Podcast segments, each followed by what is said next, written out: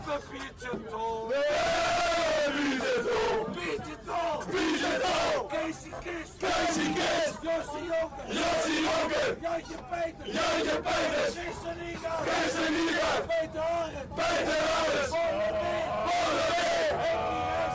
Jensen. Sorry Weghoff. Sorry. Jonas Spelman. Jonas Spelman. Super Hugo. Super.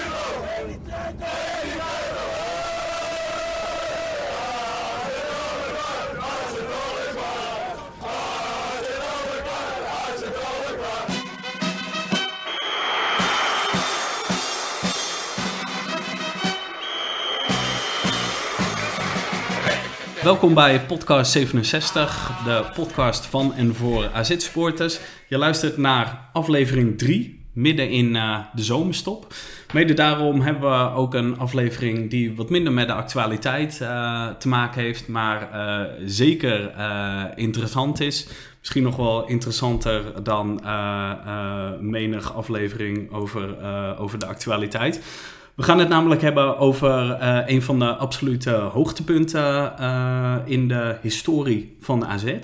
Um, dat straks, de gast. Ik ga eerst uh, even mijn mede-presentator Sander van Lubeck voorstellen.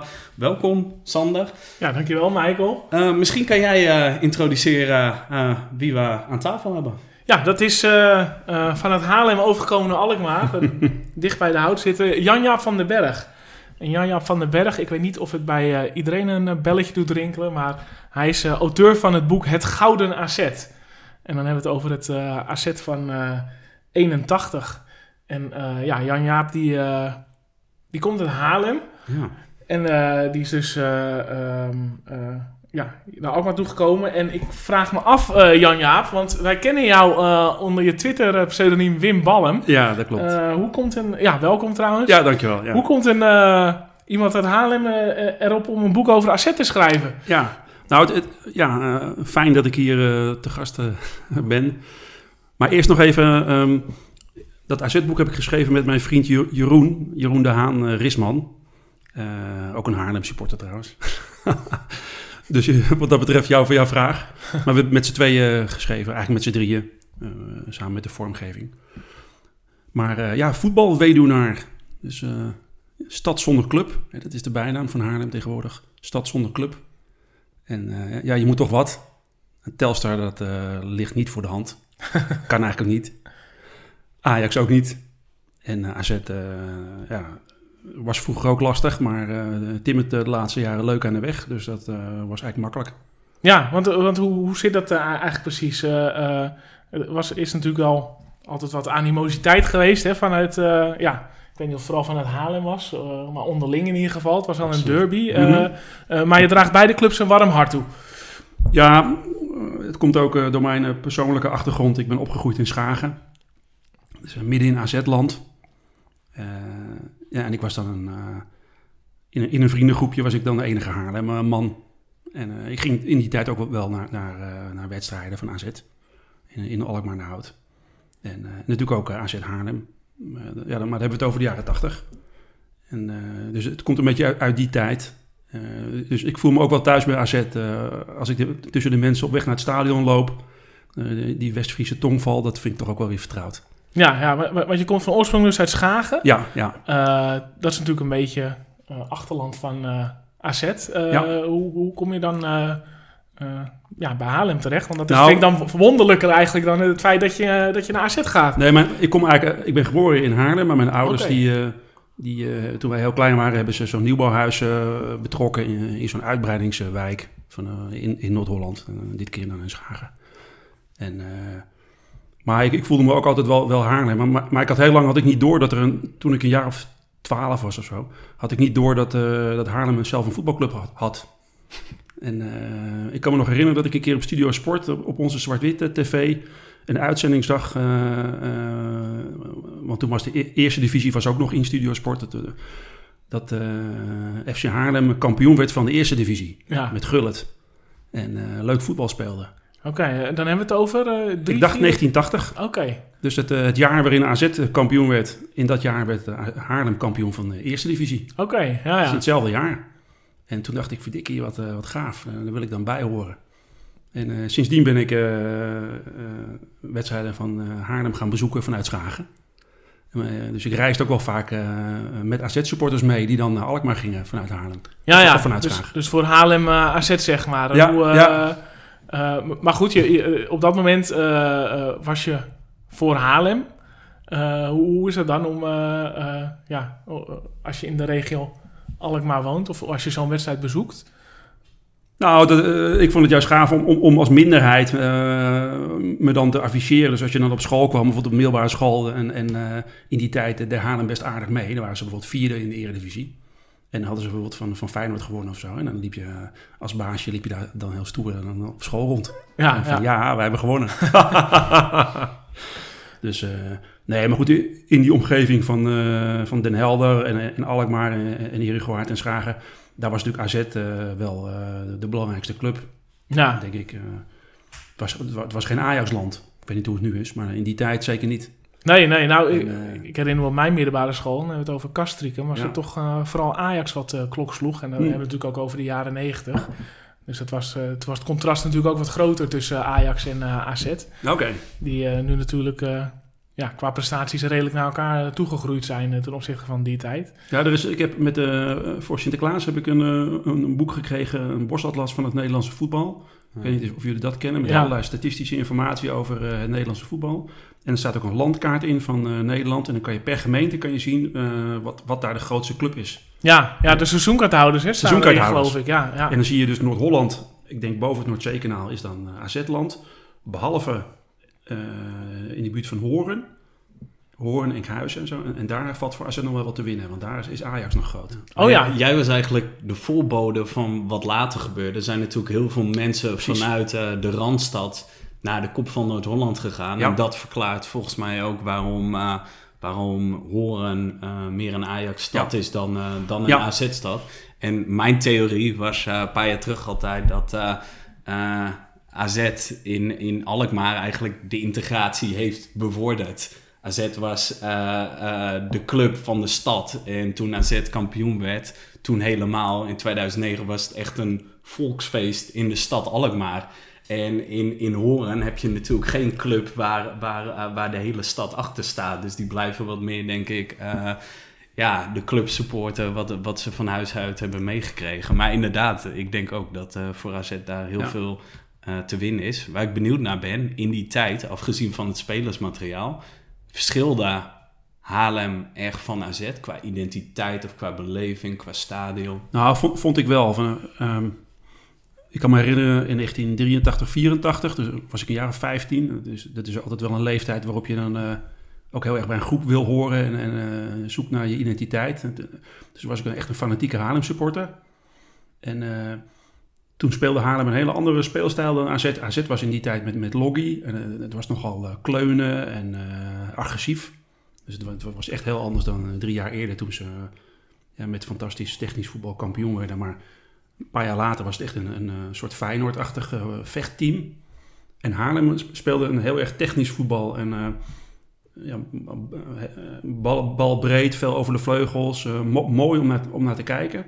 Maar liet hij zich af en toe ook wel afbluffen door vechtmachines. Ja, ja. En ja, ik heb ook een paar keer meegemaakt. eh, onder andere een legendarische wedstrijd in Alkmaar de Hout. eh, AZ Haarlem 4-4. Er zijn op YouTube ook nog wel beelden van. Dat, eh, wij, waren met een paar honderd Haarlem supporters gekomen. Een hele grote groep. Die, die, die stond op, op de lange zijde. En, en, en die, en bandside stond eigenlijk vlakbij. En, maar toen kwam AZ op 2-0. Dus toen, toen werden wij weggelachen als Haarlemmers. Maar op een gegeven moment werd het 2-3. En eh, het was, was een fantastische wedstrijd, 4-4.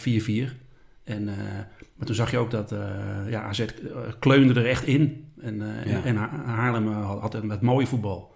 Dus dat, dat was in die tijd, eh, had je wel die verschillende speelstijlen.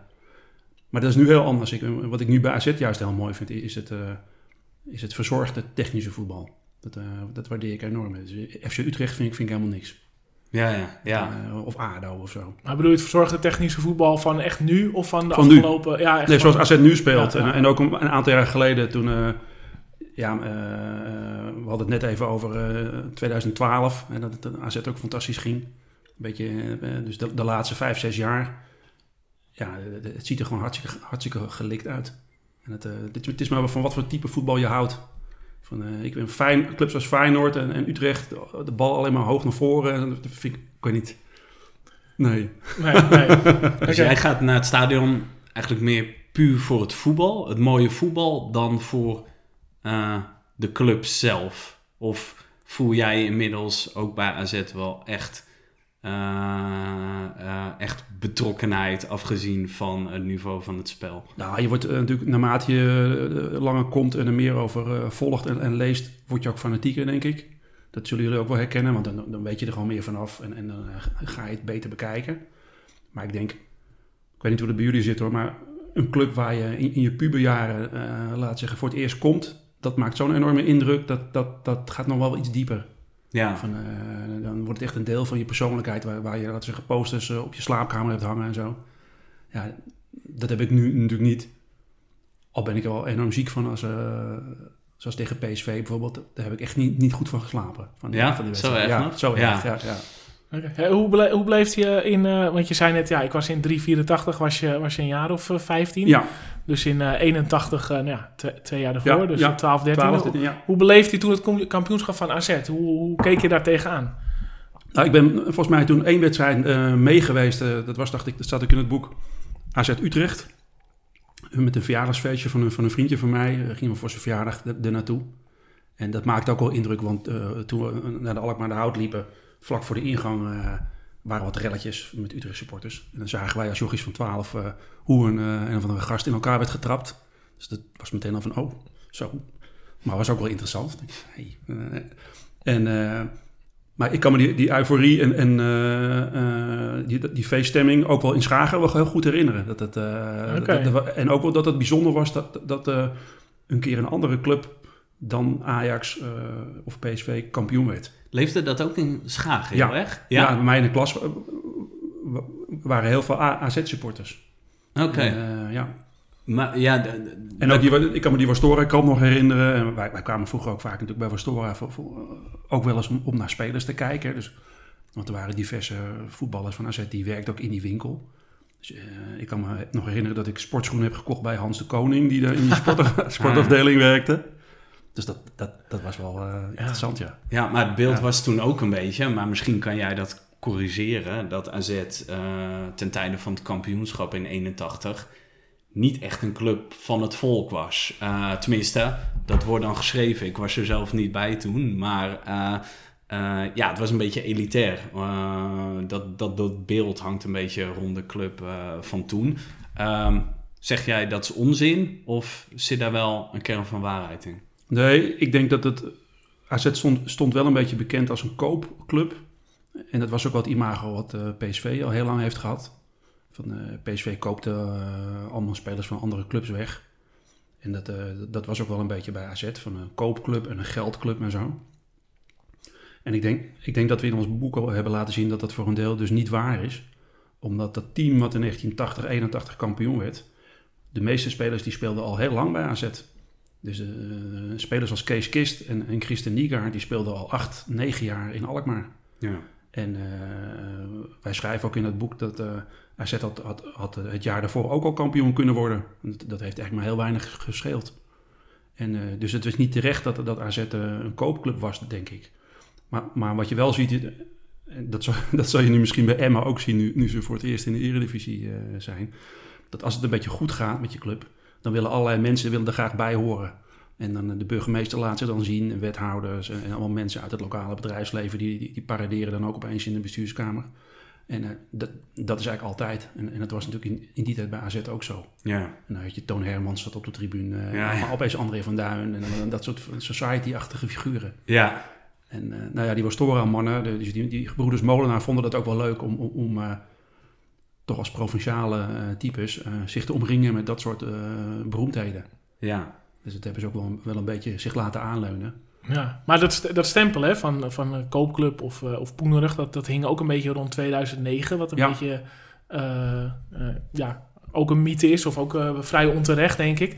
Maar wa- wat was er dan wel, zeg maar, doorslaggevend dat AZ kampioen kon worden en, en die top 3 ja, eh, de loeven af kon steken? Wat, wat, voor, wat voor andere randvoorwaarden zijn er nu nodig om dat te doen? Behalve dat je dus wel eh, wat te besteden hebt. Tegenwoordig nu. Ja, eh, in zijn algemeenheid. mis- Misschien vooral in de 81. Nou, eh, in, in 81 was het eh, denk ik een kwestie van dat eh, AZ dat team heel eh, stapsgewijs heeft opgebouwd. En ik denk dat eh Jo Brandt, die is ook nog trainer geweest eh, een aantal jaren eerder bij eh, AZ, die komt eigenlijk heel veel credits toe. Dat, hij goed gepresteerd heeft met dat team. Oké. En dus Kessler die heeft ook kunnen oogsten van, van wat er voor een deel al was. Ja. Heeft hij natuurlijk heel goed gedaan, maar het fundament wa- was al, was al gelegd. Maar tegenwoordig heb je die kans niet meer. waar, waar concludeer je dat uit eigenlijk? Van, van Nou- Jo- Jo Brandt? Wa- Is dat, maar, ja, komt dat door research van je boek? Of heb, heb je dat toen al meegekregen? Nou, ja, toch wel uit research wat wij gedaan hebben. En ook uit dat eerdere Haarlemboek wat ik geschreven heb. Jo Brandt is ook trainer bij Haarlem geweest. Heeft hij bij Haarlem ook heel goed gedaan. Dat, dat AZ heeft eigenlijk een aantal stappen gemaakt. Eh, eh, AZ is bijna failliet geweest eh, een aantal jaren nadat ze waren opgericht. Hè. Dus in 1972 waren ze bijna failliet. Toen hebben die mannen van eh Wastoren hebben er geld in gestoken. Ook op een hele slimme manier. Want ze hebben de boel ook gekocht. Hè. En die spelers ook. Dus die hebben ze later weer kunnen verkopen. Ja. Heel, heel zakelijk hebben ze dat aangepakt. Maar AZ was toen een degradatieclubje, of die vocht, die vocht tegen degradatie. En toen, toen kwam Jo Brandt erin en, die- en die heeft het naar de middenmoot getild. En vervolgens is het van de midden- middenmoot is het weer omhoog getild. Eh, Onder andere de, eh, Hans Kraai heeft dat gedaan. Maar ja.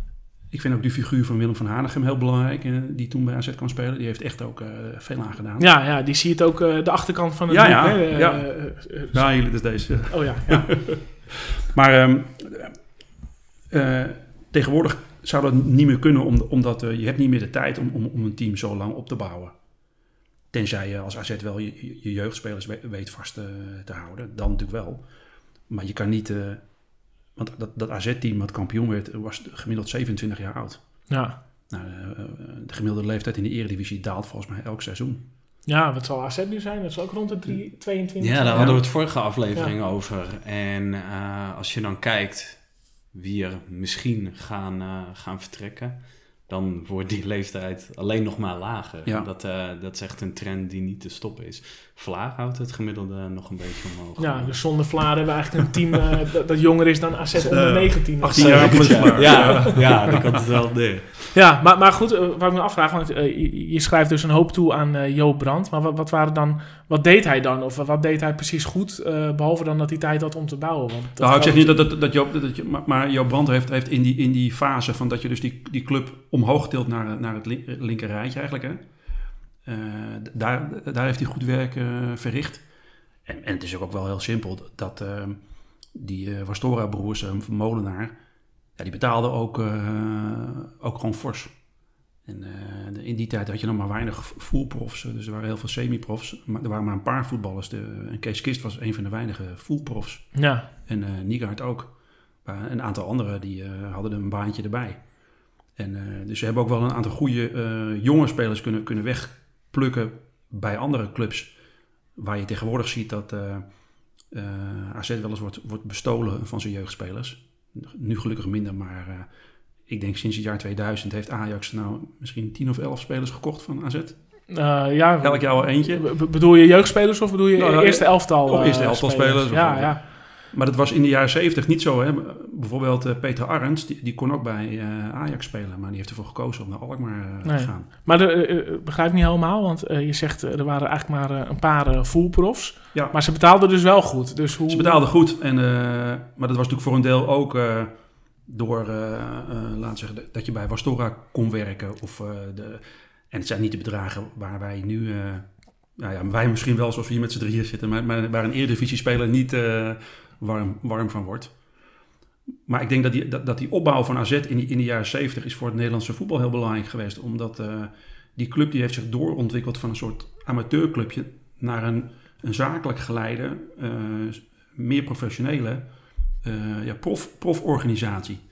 En, en dat hebben een aantal andere clubs hebben, hebben dat ook zo gedaan. PSV natuurlijk ook in de jaren 70 en Twente. Maar een aantal clubs, zoals bijvoorbeeld Haarlem niet. Haarlem heeft, heeft zich niet op die zakelijke manier laten zeggen, ontwikkeld zoals, Ja, zoals AZ dat in die, in die tijd wel gedaan heeft. Dat is wel grappig dat je het noemt, want we kregen eh, eh, van een trouwe luisteraar eh, via Twitter al een vraag voor je. Tom, ons wel bekend. vriend van de show. Die wilde weten waarom, waarom Haarlem nou ja, eigenlijk in de marge is gebleven. Hè? Dus een, kle- een kleine club. Nou ja, nu bestaan ze niet meer. Nee. Terwijl het een, Haarlem is een grotere stad dan, dan Alkmaar. Maar waarom kon die eh, eh, niet een, eh, zo'n slag maken die AZ wel heeft gemaakt? Is, is, heeft dat puur met sponsoring te maken? Of met een Wastora of DSB? Of zit daar ook meer achter? Nou ja, ik zou er drie dingen over kunnen zeggen. Het eerste is mazzel. Als AZ, als Dick Scheringa zich had gemeld aan de Jan Gijzenkade, dan was dat voor AZ mooi geweest. En wat je kan zeggen van Dick Scheringa, hij heeft wel een mooi stadion nagelaten. Dus, eh, even los van zijn hypotheek of zo. Maar Ja. het stadion, dat staat er. Ja, En AZ is ook bijna failliet gegaan, ook nog eh, na de degradatie. Dus, eh, dus dat is het eerste. En het tweede is dat ehm, Haarlem is eigenlijk nooit hersteld van de invoering van het profvoetbal. Haarlem dat was een club die ongelooflijk lang bestond. Al een van de oudste clubs van Nederland. En in 1955 kregen we profvoetbal in Nederland.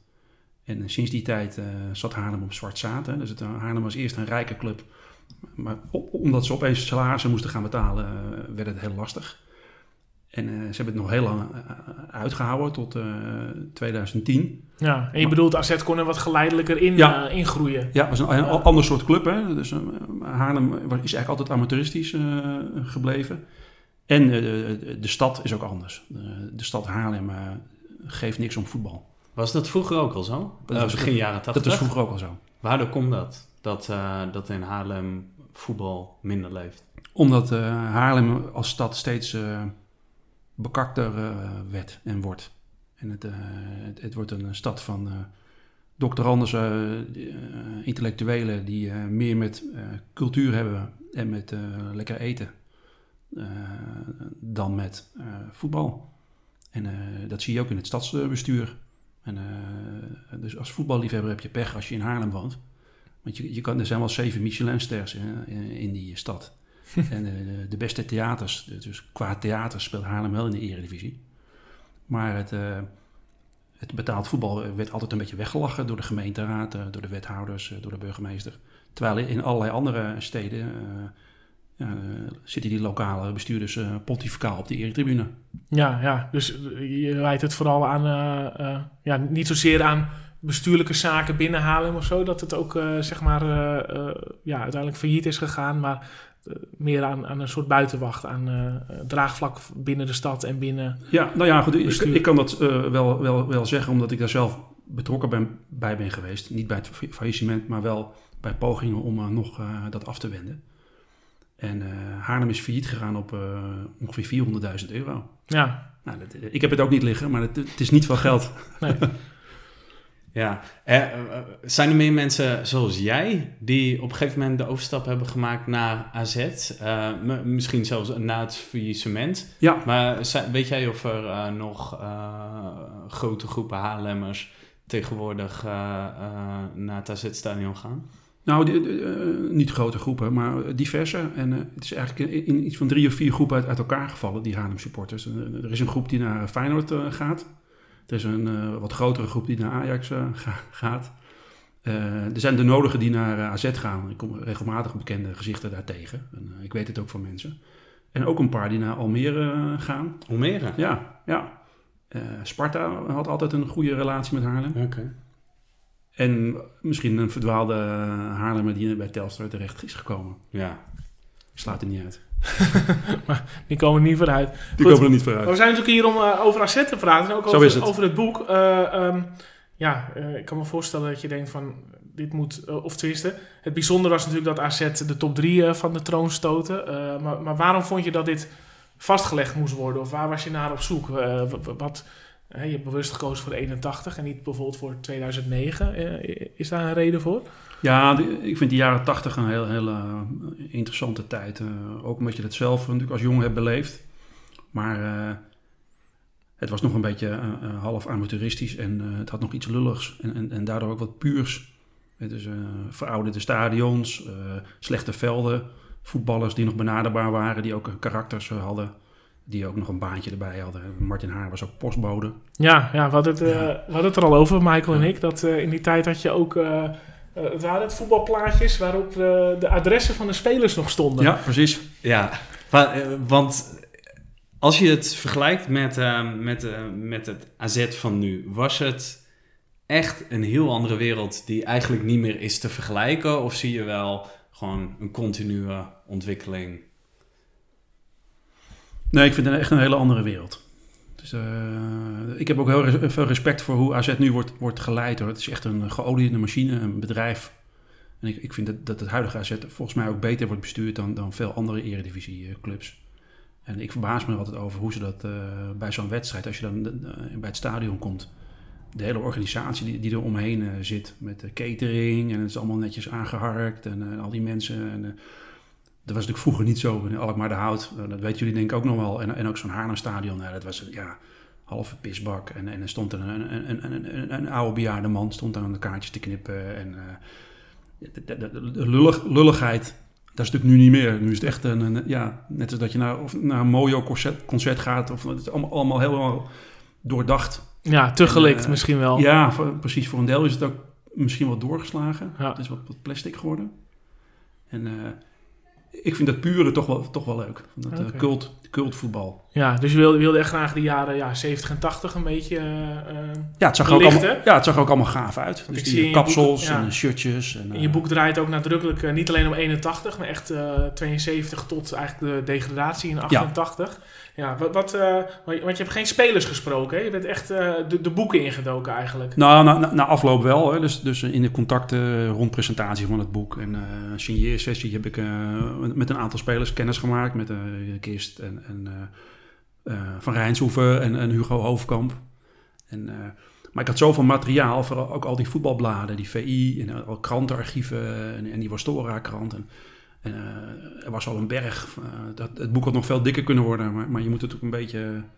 eh, en ik wilde ook een beetje wegblijven bij die voet- voetbalverhalen van een, van een, een drol, drol in, een, in een voetbalschoenen. Maar dat soort, beetje van die VI Dus, en dus sappige anekdotes. Ja, Ja, ik wilde eigenlijk ook wel een serieus boek eh, maken. Met, eh, dus niet, niet alleen maar van die kleedkamer eh, lol, onderboeken lol. Nee, maar wa- wa- waar ben je precies ingedoken? Ik doe wat, wat, voor, wat voor bronnen had je?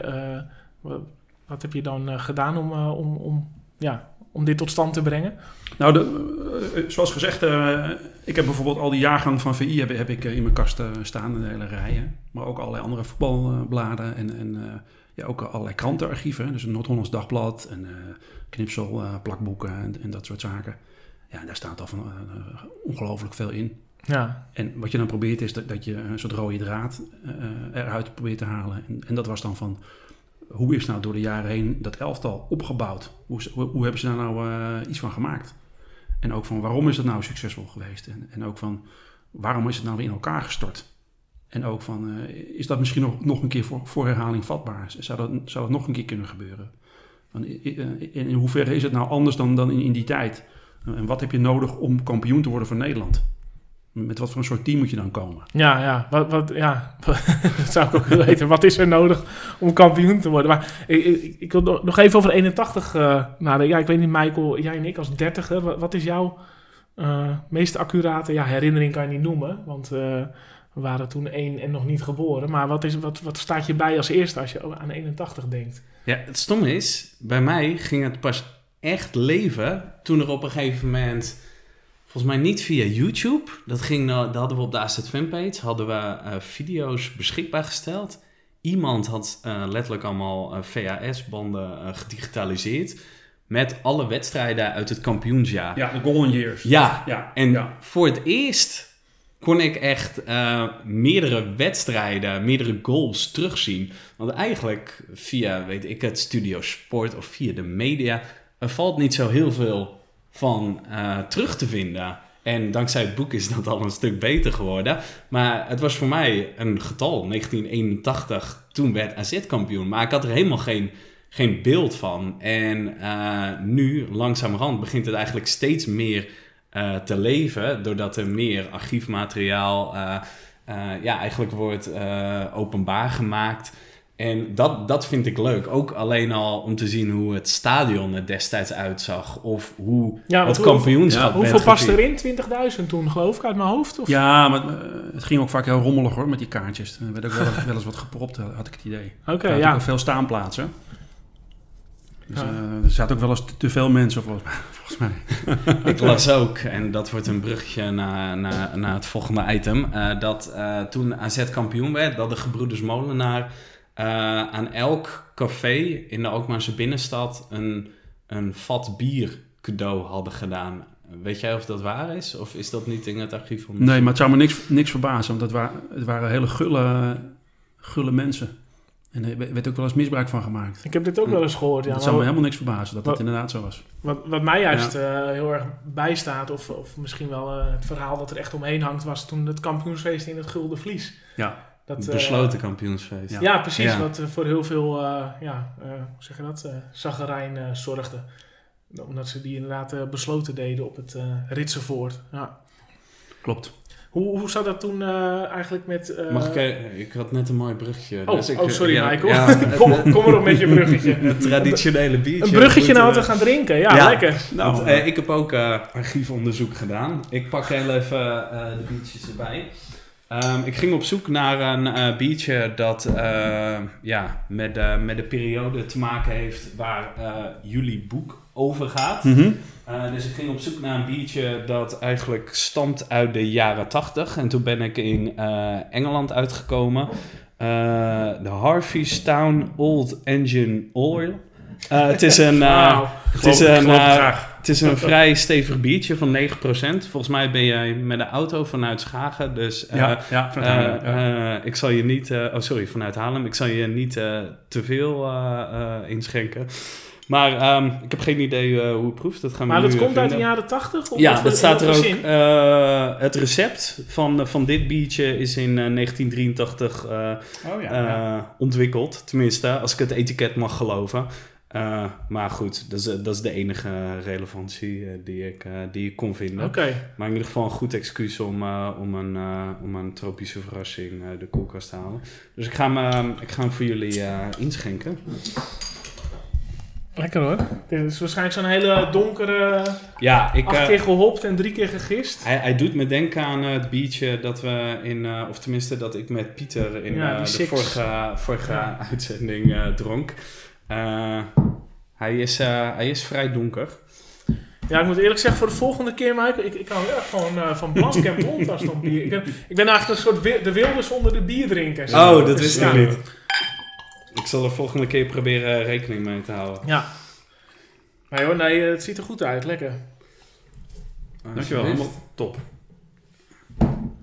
Weet jij nog, eh, of was jij erbij toen, eh, toen in, eh, in eh 81, toen het werd gevierd? Of zag je het van een afstandje in Schagen? eh, zag je, ja weet ik het, in de kroeg of zo? Zag je een soort van feestvreugde of heb je actief in meegedaan? Nee, want ik, ik was toen een jaar of, of dertien of zo. En, eh, maar er waren veel klasgenoten die daar eh, met petjes en sjaaltjes dan paradeerden. En nog niet in shirts. Want het grappige was dat dat hele idee van die clubshirts, dat, dat bestond nog helemaal niet. Dus die mer- merchandise met... wat je tegenwoordig ziet, dat alle jochies eh, in, in van die Barcelona-shirts of zo eh, lopen. Dat was in die tijd helemaal niet. Gek, Ja, ja. gek eigenlijk. Dat hadden ze Ja. nog helemaal niet uitgevonden dat je daar geld mee kon verdienen. Ik kan me nog herinneren dat ik wou graag zo'n Haarlem-shirt hebben, zo'n Mita-shirt. Toen ben ik naar de winkel van Piet Huig gegaan. In, eh, die had een sportzaak. Maar daar heb ik hem toen willen kopen. Kon het alleen niet betalen. Maar dat clubs van die shirts verkochten, dat, dat, dat was er niet. Ik ken ook helemaal niemand die een Sony eh, shirt heeft. Sony AZ shirt. Nee. Jullie wel misschien, maar het is een heel zeldzaam. Dan, dan zou je hem echt letterlijk van een eh, een speler, speler, moeten ja. hebben gekregen. Ja. En eh, was er, waren toen nog was er wel merchandise rond zo'n kampioenschap, rare prularia of zo? Van die, van- ik kan me herinneren van die zij, zijden sjaaltjes en, en die, en die Oh, ja. petjes met zo'n, met zo'n klep. Ja, zo'n Ja, ja. klep omhoog. Ik Ja, ken klep van omhoog. André Hazes met zo'n eh, met Ja. zo'n petje op. Ja. En En je had ook van die toeristenpetjes, van die, eh die doppetjes, die Ah, bestonden ook. ja. En buttons, was toen ook heel populair, buttons. Oh ja, Ja. ja. Ja, wat dat betreft eh, is er ook eh, veel veranderd. Eh, zeg je van, moeten al een beetje eh, vooruitkijken eh, naar de toekomst. Of wil je nog eh, een beetje blijven hangen in de jaren 80 nostalgie? Nou, ik ben wel benieuwd. eh, ehm, we, we hebben het natuurlijk over 81 en, en 2009. En ja, in 2009 werden we ook kampioen door, ja, een beetje door de rampformade die Scheringa, eh, eh, hoe zeg je dat? Schiep, schepte. Ja. Ehm, eh, hoe, hoe- ja, hoe zou dat in de toekomst zitten? Ik bedoel, kan AZ eh, nog eens een gooi doen? En dan heb ik niet per se over volgend seizoen, maar in zijn algemeenheid. Eh, wat is er dan nodig om weer een, eh, zowel PSV als Ajax als Feyenoord onder je te houden? Dat, ja, hoe kijken jullie daar tegenaan? Nou, ik, ik zie wel kansen voor AZ, omdat het eigenlijk met clubs als Ajax en PSV steeds slechter gaat. In die zin dat Ajax en PSV de, de aansluiting met de Europese top echt helemaal verloren zijn. En weliswaar eh, structureel meer geld hebben als, dan een subtopper eh, als AZ. Maar zelf ook geconfronteerd worden met het feit dat eh, hun beste spelers ook heel snel vertrekken. En eh, wat je nu in de krant leest over de transferperiode. Als Ajax pech heeft, dan ver- verliezen ze vier spelers. En AZ zal, zal ook wel wat verliezen. En, uh, Jan Bak zal ongetwijfeld vertrekken. Maar eh, als je een combinatie kan maken van een goede jeugdopleiding, wat AZ heeft, en één of twee routiniers erbij, eh, het- dan kan het maar zo een keer go- goed vallen. Ja, En, maar dat is dan wel incidenteel. Maar, maar waarom niet? Het, eh, het afgelopen jaar scheelt het eigenlijk er ook heel weinig. nou ja, volgens mij eh, had AZ zelfs dit jaar een, een, puntenaantal waarmee je in 2014 kampioen zou worden. Hm. Ehm, maar ja, de vraag is natuurlijk, wat is... Hey, nu zijn ze wel derde geworden, dus ja, dan zou je dus eh, eh, Ajax en PSV achter je kunnen houden als je... Ja, moet je daar echt geluk voor hebben? Of, of, of moet het gewoon lekker gaan draaien? Of wat, eh, want we hebben natuurlijk veel over die, die topwedstrijden gehad, eh, afgelopen keren ook, in de podcast. Maar wat, ja, wat denk jij dat er nodig is, Michael, voor die stap? Ehm, ik denk dat het vooral te maken heeft met geloof. Dat is zoiets ongrijpbaars. Op een gegeven moment eh, zag je ook in 2009, toen eigenlijk nog heel veel mensen van overtuigd waren dat het überhaupt niet kon, dat een niet-top 3 club weer kampioen zou worden. Maar op een gegeven moment merkte je in de loop van het seizoen eh, dat er een idee bestond bij de spelers. Het, het komt wel goed. Moet ik ook gelijk denken aan die, eh, wat was het? NAC AZ. Eh, een paar wedstrijden voor het einde van het Ja, die seizoen. 0-1 van Ja, Dembele. Toen bleef het heel lang 0-0. Vrij moeizame wedstrijd van AZ-kant. En toch had je het gevoel, hij gaat nog wel vallen. Ja. En eh, ja, eh, het, het is altijd zo makkelijk om, om met dat soort ongrijpbare eh, eh, eh, factoren aan te komen. Volgens Maar mij was dat zelfs een week voor eh, de kampioenswedstrijd tegen Vitesse kampioenswedstrijd. zelfs. Ja, uit mijn hoofd 10 april. En Hmm. was eh, ja. een vrijdag. Vrijdag was dat. Ja, en ik moet eerlijk zeggen dat ik afgelopen seizoen ook wel een paar keer het eh, idee had van het komt wel goed. Zeker na de winterstop.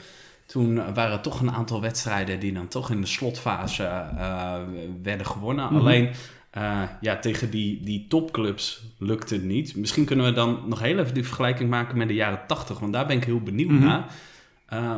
Als je bijvoorbeeld Ajax pakt, volgens mij had AZ het ook in de, ehm, eh, ja, zeg maar de gouden jaren, eh, begin jaren 80, had AZ het ook moeilijk met, met bijvoorbeeld Ajax. Maar ehm, ehm, eh, werd er toen wel bijvoorbeeld in de kampioensjaren van Ajax gewonnen. Volgens mij zat er ook één gelijk spel tussen. Nou, in het kampioensjaar heeft Ajax, of was Ajax de enige club die dan weer won in de Alkmaarderhout. ja, ja. helaas. Maar eh, de jaren ervoor en de jaren daarna eh, won, A- won eh, AZ heel regelmatig van, van bijvoorbeeld PSV en, en Ajax. PSV is er een aantal keren echt flink afgeserveerd, ja, ook, ja. ook in de beker. Dus er is een perio- periode geweest van, van drie of vier jaar waarin AZ, als, als, als het goed was gevallen, had, had AZ in die tijd drie seizoenen achter elkaar kampioen kunnen worden. Misschien wel moeten worden. ja, ja. Dus het, ze zijn kampioen geworden in 80-81. Maar het seizoen daarvoor, dus 79-80, is Ajax met, met hangen en wurgen in de laatste speelronde kampioen geworden. Maar, maar AZ speelde tot in die laatste speelronde mee om het kampioenschap. ja. En eh, eh, Ajax heeft eh, een, een aantal keren dramatisch puntenverlies geleden. Ze hebben een keer toen verloren met 3-6 in, in de meer van, van MVV. Maar daar wist AZ nooit echt van te profiteren. Ja, ja. En, eh, en het jaar eh, toen AZ dus landskampioen was, het jaar daarna, hadden ze eigenlijk nog die hele selectie eh, intact. En toen hadden ze eigenlijk weer landskampioen kunnen worden. Ook in het tweede seizoen zelf. Maar toen, toen zijn er een paar dingen gebeurd die, die ook in het boek wel staan. Onder andere dat eh, de gebroeders Molenaar zeiden van ja, ja, het gaat ons te veel geld kosten en we moeten spelers verkopen. En dat leidde dan weer tot onrust in de spelersgroep. Ja, ja. En dan denk ik van ja, dat is nou net jammer, want op dat moment speelden ze nog mee om de titel. Ja, zou je dus kunnen stellen dat het bijeenhouden van de selectie een belangrijke factor is om kampioen te worden? Of in ieder geval eh, de top drie eh, geregeld te verslaan? Ge- eh, denk Ja. jij dat dat Ja. ook tegenwoordig een belangrijke factor is? Ja, nou ja, ik durf, ik durf wel de, de stelling aan dat als dit, dit AZ van nu, als Johan Baks zou blijven, ja, hij gaat weg, maar als hij blijft. Ja, En als eh, Stenks, eh laat zeggen, weer hersteld is en hij speelt in de vorm die hij had toen hij geblesseerd was. Dus die eh, van vorig jaar die na-competitie. ja, Geweldig hoe hij Tegen toen Groningen. Tegen Ja. Groningen. ja. En ook thuis tegen Utrecht. ja. Dan eh, speelt AZ eh, mee om het kampioenschap. Ja, en ehm, hoe groot ehm, was toen in de jaren tachtig de rol van de coach? Eh, of anders gevraagd, denk je dat Van der Brom de juiste man is om eh, zoiets te realiseren? Nou, eh, eh, Kessler die, heeft heel wat conflicten met zijn selectie moeten uitvechten in dat kampioensjaar van 80-81. Want AZ had eigenlijk drie goede spitsen voor twee plekken. Hè, dus hadden Kees Kist, Pietol en Koert Weltsel. Maar die konden nooit met z'n drieën tegelijk spelen. Maar die waren alle drie top. Dat waren eigenlijk alle drie de drie beste spitsen van Nederland. Maar hij kon ze nooit alle drie tegelijk opstellen. En degene die van die drie die op de bank zat, was altijd boos. Dus dat heeft eh, Kessler heel veel hoofdbrekens gekost. Uiteindelijk is Weltse ook eh, eigenlijk boos weggegaan naar, naar Valencia. Maar die speelde ook in het Oostenrijkse nationale team en was minstens zo goed als eh Pietol en Kees Kist. Dus Kessler heeft in het kampioensjaar ook heel vaak bonje gehad, vooral met zijn spitsen. Ja, ja. En, dus het was voor hem als coach ook niet makkelijk, denk ik. En ja, je zou kunnen zeggen, wat is dan de invloed van Van der Brom op, op de selectie nu? ja.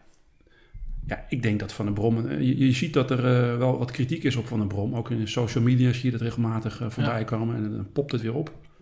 Maar ik denk dat hij ja, gewoon puur cijfermatig... Ja, hij haalt bijna het maximale eruit van, van, met de huidige spelersgroep. ja. Dus Waar ik ook benieuwd naar ben, tegenwoordig speelt de technisch directeur ook een belangrijke rol. Althans, Mhm. in de media wordt die, wordt die vaak aangehaald, want die moet toch een selectie neerzetten. Eh, ja, ik stel mij voor dat dat eh, bij AZ grotendeels in samenspraak met, eh, met de trainers gebeurt. Hoe was dat in die tijd? Wie stelde de selectie samen? Nou, dat was in die tijd wel anders, omdat die, die twee mannen, Kees en Klaas, Molenaar. Kees is natuurlijk dan overleden, voordat eh AZ, die heeft dat nooit meegemaakt, het kampioensjaar. maar natuurlijk de jaren daaraan voorafgaande wel. Ja. Die twee mannen die, die waren in hun jeugd ook profvoetballer. Dus die, eh, die waren niet alleen eh, geldschieter van het team, maar die, dat waren zelf ook echt voetbalkenners. Ja, bij KFC toch? Of, Ja, of- ja. KFC. En die hebben zich eh, regelmatig ook bemoeid met de opstelling. En ook eh, zelf spe- spelers gekocht. Waar dan een, een, een trainer eh, mee eh, door overvallen werd een beetje.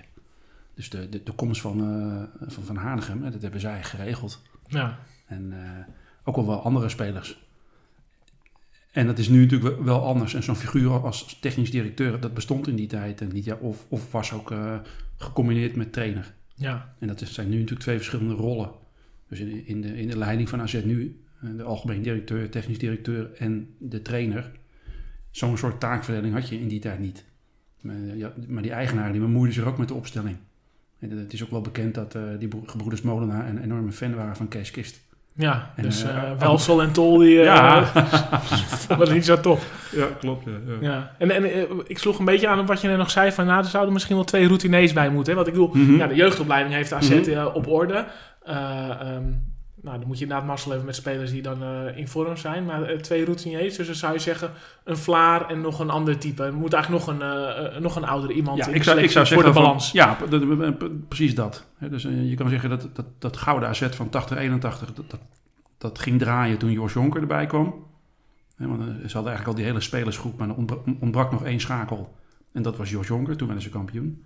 Zo zou je ook kunnen zeggen dat het huidige AZ, wat, wat heel talentvol is, eh, dat, vindt iedereen, hè, dat is een, een uitgemaakte zaak. Maar ze, ze missen nog een aantal mannen. Dus echt, de- wat, niet jochies, maar echt mannen. Die ook eh, niet geïntimideerd worden door de Kuip of zo. Ja. En er lopen toch nog wel een paar losse, ervaren voetballers rond, zou je zeggen. Die nog een club zoeken. Maar waar, aan wie denk je? Ja, dat heb ik even niet, eh, heb ik even niet bij de hand. Maar bijvoorbeeld eh, eh, zo'n type Nigel de Jong of zo. Van, van, eh, nou, Ron Vlaar was eigenlijk ook zo iemand. Hè, die, die dan eh, eh, werd aangetrokken en, eh, voor een tijdje. En dat beviel. En eh, nou ja, dan bleef, bleef hij Ja, dus wel iemand die de absolute top heeft ge- Ja, gehaald. Maar dan of, bijvoorbeeld eh, 32, 32 is en die Ja. nog één of twee jaar mee kan. Een beetje opgelapt.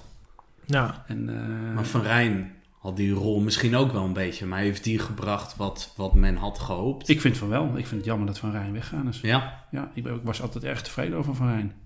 ja, ja. Maar jij zegt, eh, wil je echt meedoen om dat kampioenschap, dan red je het niet zonder ervaring. Nou, Je moet volgens mij ook op het middenveld moet je een, eh, een leider hebben, een, een breker. Dus een Neeskens-achtige. Iemand die eh, het gras opeet. Iemand die voorop gaat in de strijd. De, Guus Til is dat niet. Hè. Gu- Guus Til is natuurlijk een, een leuke jongen. En, eh, maar die, eh, ik heb hem in de Kuip niet gezien in de bekerfinale. En ook niet in de competitiewedstrijd tegen Feyenoord toen. eh, het, het leek wel alsof hij niet meedeed. Ja, maar zo'n Gudelje, ik was altijd fan van, van Gudelje. Hij heeft, bij AZ heeft hij het heel goed gedaan. ja, absoluut. Bij Ajax was het minder.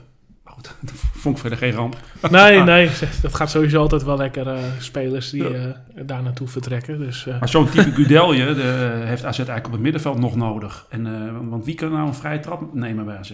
ja, Job van der Linden, maar ja, die is ook weg. Die is, vet- die is toch nog wat te traag. nou, maar Van der Linden heeft ons wel in de groepsfase Europa League geschoten in eh, 2015. Maar, Ja, en hij was bij Jong AZ ook belangrijk. Maar, nee, maar eh, er zijn toch wel van, van dat soort boven de markt zwevende, eh, losse, eh, oudere spelers die nog voor één of twee jaar wat willen doen. ja, ik denk het wel. Ja, je, je noemt een, een Van Rijn, maar dat is natuurlijk ook niet het kaliber van eh, de Jong en Vlaar... die allebei eh, eh, eh, tot het laatst op een WK hebben Nee, gespeeld. nee, dat is waar. Nee. En dat hebben de, ja, de Jong en Vlaar wel. Dus eh, dat is inderdaad wel een, eh, een, een optie, misschien. Ja, en als je, een, eh, als, je, als je kijkt naar de huidige selectie, als je een voorspelling zou doen, welke plaats eh, gaat AZ eindigen komend seizoen? Nou, als eh, je handbaks weggaat en, je krijgt er Stenks voor terug, die goed is. En je vindt een goede vervanger voor Wout Weghorst. Als die, of hij blijft, of komt iemand die liefst nog iets beter is dan, dan Wout Weghorst. Eh, en je vindt op het middenveld iemand eh, waar we het net over hadden, die ook nog eens een keertje een vrije trap erin kan rossen. Waarom kan AZ dan niet weer derde worden? Of, of eh, misschien wel tweede? Ja. Die beker, dat hoeft voor mij niet meer voorlopig. ja, we zijn verwend. Daar hebben we het al eerder over gehad. Maar het, is, het is ook met Europees voetbal zo. Ehm, Europees voetbal begint echt weer te lonken. Je hebt er echt weer zin in op het moment dat je het een seizoen hebt gemist. En dan hebben we het nog maar over één seizoen. Ja, en om, om kampioen te worden moeten we gewoon een jaartje geen Europees spelen. Dat eh, ging prima in 2009 en afgelopen seizoen ook wel. eh. Ja, dat, dat is ook waar. Nou, da- dat is, eh, daar ben ik nog wel, als laatste over de jaren 80, daar ben ik nog wel benieuwd naar. Had AZ destijds, toen ze kampioen werden, last van een druk programma? Want volgens mij, een week nadat ze kampioen waren geworden, of minder dan een week, Mhm. verspeelden ze eigenlijk de, eh, hoe noem je het toen? Europa Cup 2, Nou, Europa Cup 3. UEFA Cup finale. UEFA. Cup finale. Of Ja. Europa Cup 3. Ja, Toen nou, werden ze afgedroogd door, door Ipswich Ja. in, de, in de heenwedstrijd. ja met 3-0. Hadden ze eh, toen geen last van, van een druk programma? Mede omdat ze eh, natuurlijk lang Europees meededen. Ja, het verhaal gaat dat het kampioensfeest eh Ja. en parten speelde. Is dat echt zo? Nou, dat wordt wel eh, zo door spelers wel zo eh, verklaard. Als je natuurlijk in de heenwedstrijd met 3-0 eraf gaat, dan is dat bijna niet meer. Ik zeg bijna, hè, want soms eh, wel, maar is dat heel moeilijk nog eh, recht te trekken. Eh, ze hebben natuurlijk thuis toen met 4-2 gewonnen. Ja, maar die 3-0 was serieus eh, aantoonbaar een gevolg van het feest. Niet van eh, het programma van moeilijke wedstrijden. Nee, want ze waren dus, dus een paar dagen ervoor kampioen geworden. Ja, En dat eh, hebben ze iets te diep in het glaasje gekeken. Maar ook al waren het andere tijden, het is, het is toch eh, onbegrijpelijk dat eh, de gebroeders Molenaar, eh, hadden die dan ook niet zoiets van rustig aan, we hebben eh, een finale te spelen komende week. Wa- wa- Was dat besef er? we wachten nog even met die vaatjes bier. Ja, Ja, maar weet je wat het is? Ik heb er natuurlijk helemaal geen verstand van. Ik zit ook maar op de tribune, net zoals jullie. Maar soms zie je wel, eh, ook als je tv kijkt, zie je dus dingen aankomen. Vooral als je in het stadion zit, zie je heel veel dingen aankomen. Dus je ziet soms ook bijvoorbeeld als iemand naar de penalty stip loopt, zie je aan de manier waarop hij loopt, zie je dat hij hem gaat missen. Dus eh, ik denk dat in, in die psychologische kant van het voetbal, dat daar nog heel wel veel winst te, te halen valt. Kijk, de conditie van die spelers is, is tegenwoordig eh, natuurlijk helemaal top. En het wordt allemaal in voeding, wordt, wordt allemaal enorm gemeten en, en het, is, er zit 0 gram vet aan en zo.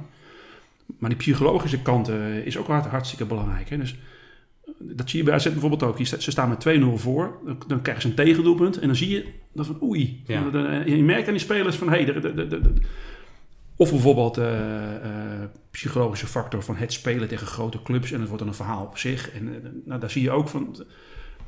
Of, of je komt in de WK-finale, kom je als Robben alleen op de keeper af en je hebt net even te veel tijd zodat je kan nadenken en dan gaat het ook weer missen. Ja. En, en zo was het vol- volgens mij ook. Je bent kampioen geworden. Je moet nog een, eventjes een Europa Cup finale spelen. En ja, probeer die spelers dan maar eens tegen te houden als ze gaan stappen. En, en ze, zijn, ze zijn landskampioen geworden voor het eerst.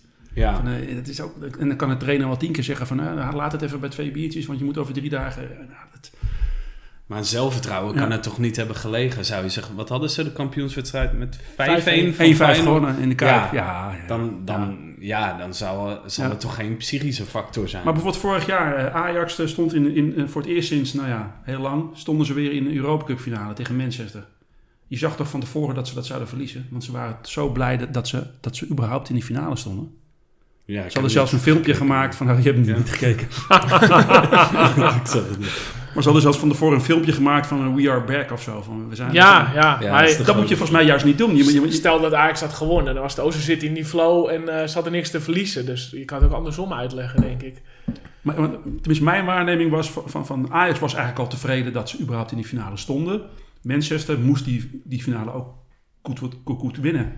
Ja, ja, maar dan, dan gaat ook weer de macht van het geld natuurlijk meespelen, denk ik. eh, Qua spelers en eh, de ervaring die ze hebben. Ik denk niet dat het kwam doordat Ajax puur euforisch was dat ze in die finale stonden. Nee, maar het is misschien volgens mij het is net even die 5% minder focus, omdat je al tevreden, je bent al, al in je onderbewuste ben je al een beetje tevreden van, kijk, ik sta in die finale. Ja, ja misschien wel. Maar, ja, Wat wij misschien ook hadden. da- daarvoor heb ik ook niet eh, nauwkeurig genoeg gekeken of, of, dat, of dat echt zo was.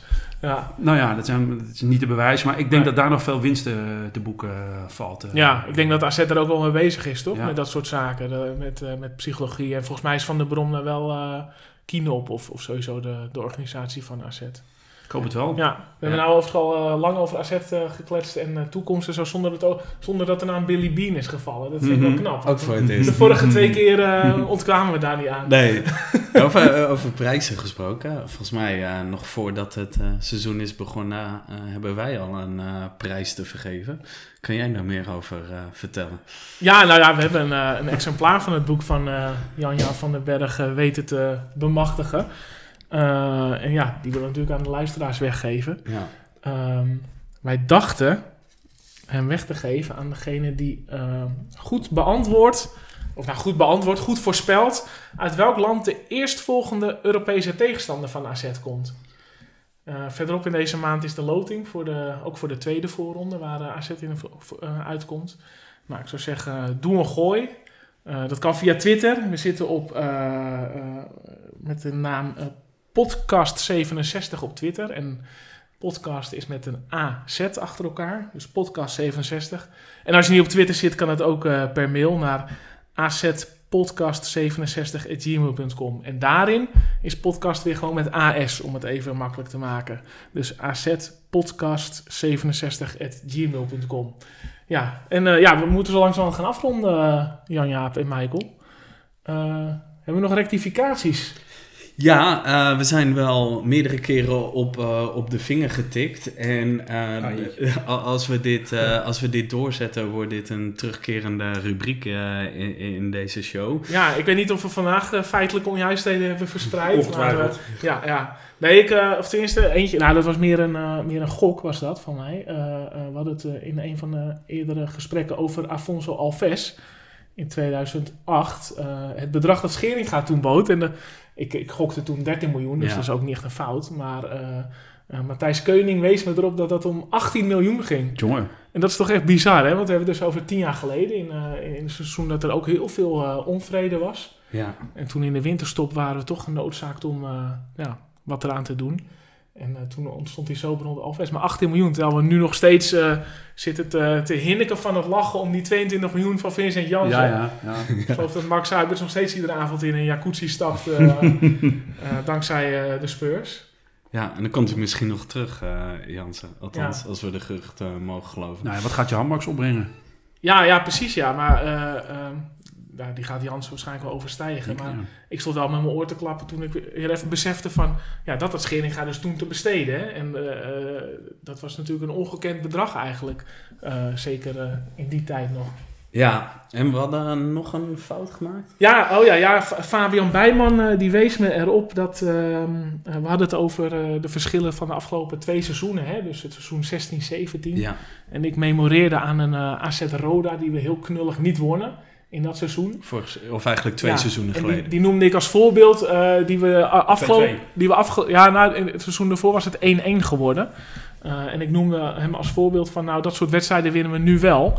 Maar dat was dus helemaal niet zo. Want dat was, eh, was dus 2-2 geworden. Ik had, ik had tal van andere wedstrijden kunnen uitzoeken... ja, die die, wel als voorbeeld konden gelden. Maar AZ Roda was net een eh, ongelukkige keus. Dus... eh, eh, bedankt Fabian voor het attenderen. En als u nu wat fouts heeft gehoord... dan horen we het uiteraard natuurlijk graag. Ja, maar liever horen we eigenlijk nog over de prijsvraag. Dus eh, eh, gok gerust. Eh, het land waar de club vandaan komt, waar AZ tegen gaat loop- loten in de eh, tweede eh, voorronde, noem je het zo? Tweede voorronde Europa tweede voorronde Ja, ja. Wordt- Europa League. Ik zou zeggen Luxemburg. Luxemburg. Lux- Oké, nou als het Luxemburg wordt, dan eh, gaan we jou het boek eh, toesturen, Janja. De eerste Europese wedstrijd was ook tegen een Luxemburgse club. Hè? Ja, Red Boys Differdans. Ja. Elf- Eerst, eerst in het 11-1, lichtmasten. 11-0. Ja, ja. Hey, eh, Janja, ben jij wel eens naar een Europese uitwedstrijd geweest van AZ, of niet? Nee, Nee? En hoeveel heb jij er op je naam staan, eh, Michael? Ik heb het niet bijgehouden. Ik moet eerlijk zeggen, ik ben er ook zeker niet elke Europese uitwedstrijd bij. Simpelweg, ze zeggen altijd, als je student bent, heb je overal tijd voor en zo. Maar ik had er ook heel vaak simpelweg geen geld voor. voor eh, een tripje eh, ver weg. Hoe ja, lang ben jij student geweest dan? Ja, vrij, vrij, eh, vrij Afgelo lang. afgelopen 15, 14 jaar. Niet te lang. Maar ehm, ja, Europese uitwedstrijden. Ik denk, eh, ja, zo'n tien of zo in totaal. Echt wilde gok. Ja. Hoeveel jij? Weet jij, weet jij eh, hoeveel AZ er heeft gespeeld sinds 2004? Dus zeg maar sinds eh, augustus 2004 uh, PAOK Saloniki. Zo. Het zullen veel meer zijn dan, eh, eh, dan ik nu ga noemen. Eh, nou ja, wilde gok. Even kijken hoor. Eh, moet ik even snel rekenen. Uitwedstrijden. Alleen uitwedstrijden, toch? Ja, gewoon Europese uitwedstrijden. Dus dat we ja, voor de Europa League eh, het land uit zijn gegaan. Eh, Zo'n 130 of zo? Uit, uit, nee, 55. Ja. Oké. Oh, dan heb ik eh, mezelf een beetje overschat. En, en Ja. ter vergelijking, in de, in de gloriejaren waren dat er eh, 13. Dus we zitten- zijn in totaal op 68. Maar we hebben volgende maand een gast... eh, die eh, ja, van die 55 er waarschijnlijk wel een stuk of 50 heeft meegepikt. Dus daar eh, kunnen we volgende maand eh, naar gaan luisteren. Zo, zo. Wie, eh, wie dat precies is. Ja, is geen prijsvraag, maar eh waar gerust de gok valt niks te winnen alleen. Ja, nee, ik kijk uit eh, naar, eh, naar de volgende uitzending. Ik denk eh, dat we dan ook ehm, verder kunnen vooruitblikken op, op het komende seizoen. En dan weten we wie de winnaar is van, van het boek Het Gouden AZ. Geschreven door Jan-Jaap van den Berg. En nou, dan mag jij voor de volledigheid noemen wie de andere twee mijn vriend. Jeroen de Haan Risman. Ja, waarvan akte. Eh, nou, hartstikke bedankt voor je komst. Graag gedaan. Wij, eh, wij vonden het eh, heel leuk om eh, in deze eh, zomerstop een duik in het verleden te nemen. En we hopen in de volgende uitzending eh, gewoon weer de actualiteit aan te grijpen. Dus eh, tot de volgende keer. Tot ziens. Ciao.